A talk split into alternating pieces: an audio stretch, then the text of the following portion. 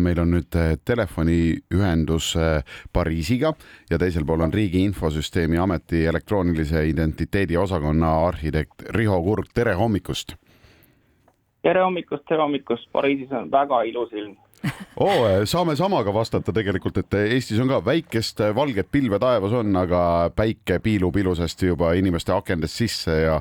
ja kõik saavad ärgata rõõmsa meelega ma tean, et Pariisis tehakse algust Euroopa digikukru teenuste väljatöötamisega.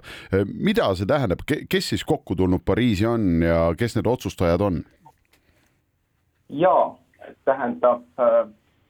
tõepoolest väga-väga täpselt ütles, et tegemist on just nimelt teenuste väljatöötamise pilootprojektiga ja kokku on tulnud siis meie pilootprojektis üheksateist liikmesmaad, pluss siis väljastpoolt Euroopat ka Ukraina kes teeb väga-väga tihedat koostööd igasugustel digialadel. ja, ja tõepoolest, eile oli siis äh, päris pikk päev, projekt sai nii-öelda ametlikult algatatud, tööd algasid ettevalmistuseks juba tegelikult juba noh, ütleme aasta tagasi, praktilisemalt juba kuu aega tagasi Eestis. et äh, nüüd on siis kaks aastat aega, et äh, vähemalt üks teenus nii-öelda piirideüleselt ka Eesti panusega ära testida. kirjeldame nüüd kuulajatele ka palun, mis asi on digikukkur ja, ja mis teenusest me, mis seal esimesena seal kukrus olema saab, räägime? ja, ja et äh, digikukkur on äh,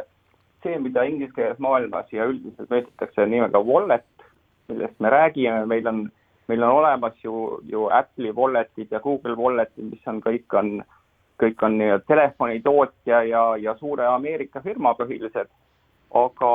Euroopa Liit valmistab siis endale ette oma piiride ülest äh, digikukrut äh, või European ID Walletit ja mis siis meie mõttes on, on siis digikukkur. Ja see ei ole siis ainult nagu elektroonilise identiteedi jaoks, vaid ka just nimelt teenuste jaoks, ehk siis inimese identiteet ei ole ainult tema see see number või, või ID-kood, vaid tegelikult see, mis tal on, et, et kas see on siis juhiluba, kas see on haigekassa tõend, kas see on digiretsept või midagi muud, et, et kõik need digitaalsed õigused kehtiksid tegelikult üle Euroopa. et kui meie ei kanna näiteks juhiluba kaasas,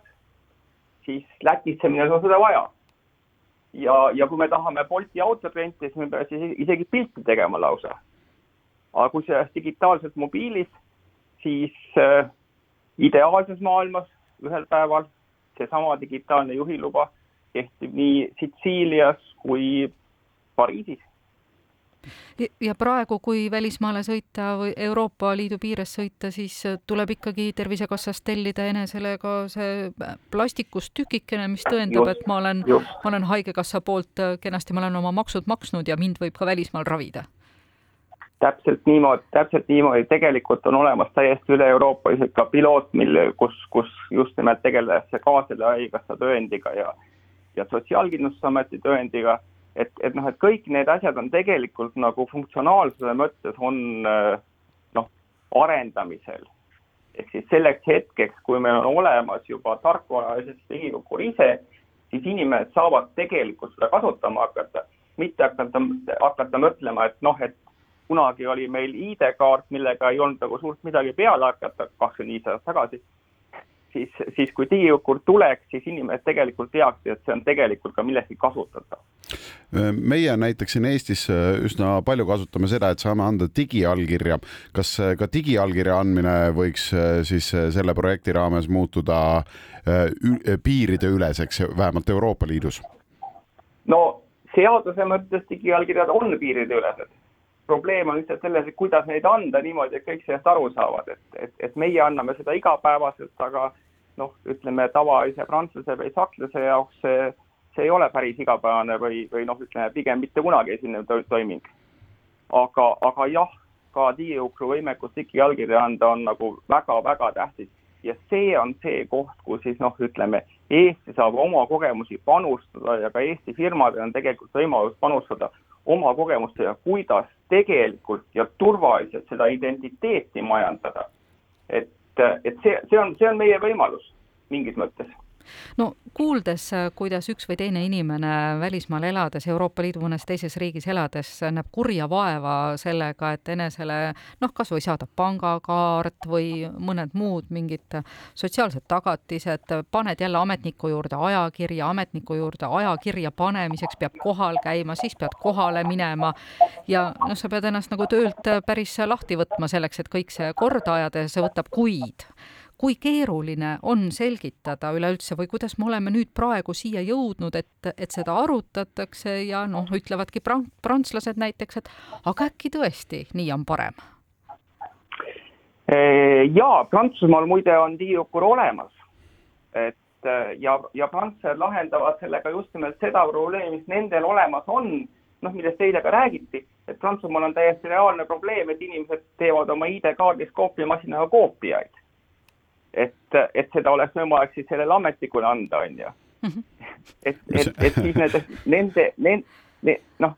see on reaalne elu ja, ja, ja, ja väga konkreetne üks probleem, mida Prantsuse digivollet lahendab, on see, et see digivollet võimaldab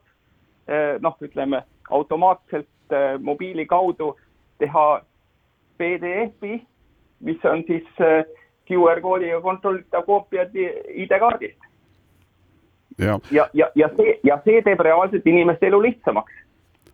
kusjuures see, see selline ID-kaardist äh, koopia tegemine, eks see on laias maailmas on muid toredaid näiteid ka, on ka palju näiteks Aafrika riike, kus on juba e-viisa on kasutusel, aga kui sa piirile lähed, siis e-viisa peab ikkagi olema välja prinditud, mis on nagu jälle asja absurdne pool, aga noh, loomulikult siin Euroopas ja. samad lood.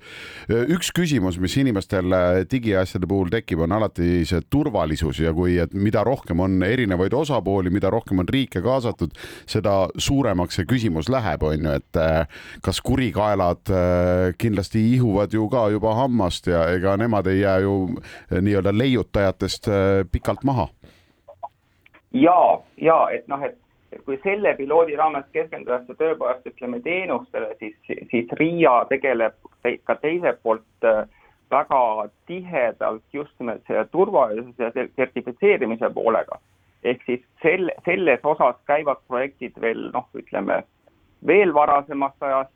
ja, ja see on mingis mõttes noh, see ongi põhjus, mille pärast me täna tegeleme teenustega ja ütleme, et Wallet tuleb paari aasta pärast, sest äh, seda turvatööd ja päris seda tehnilist tööd, seda on ka kõvasti teha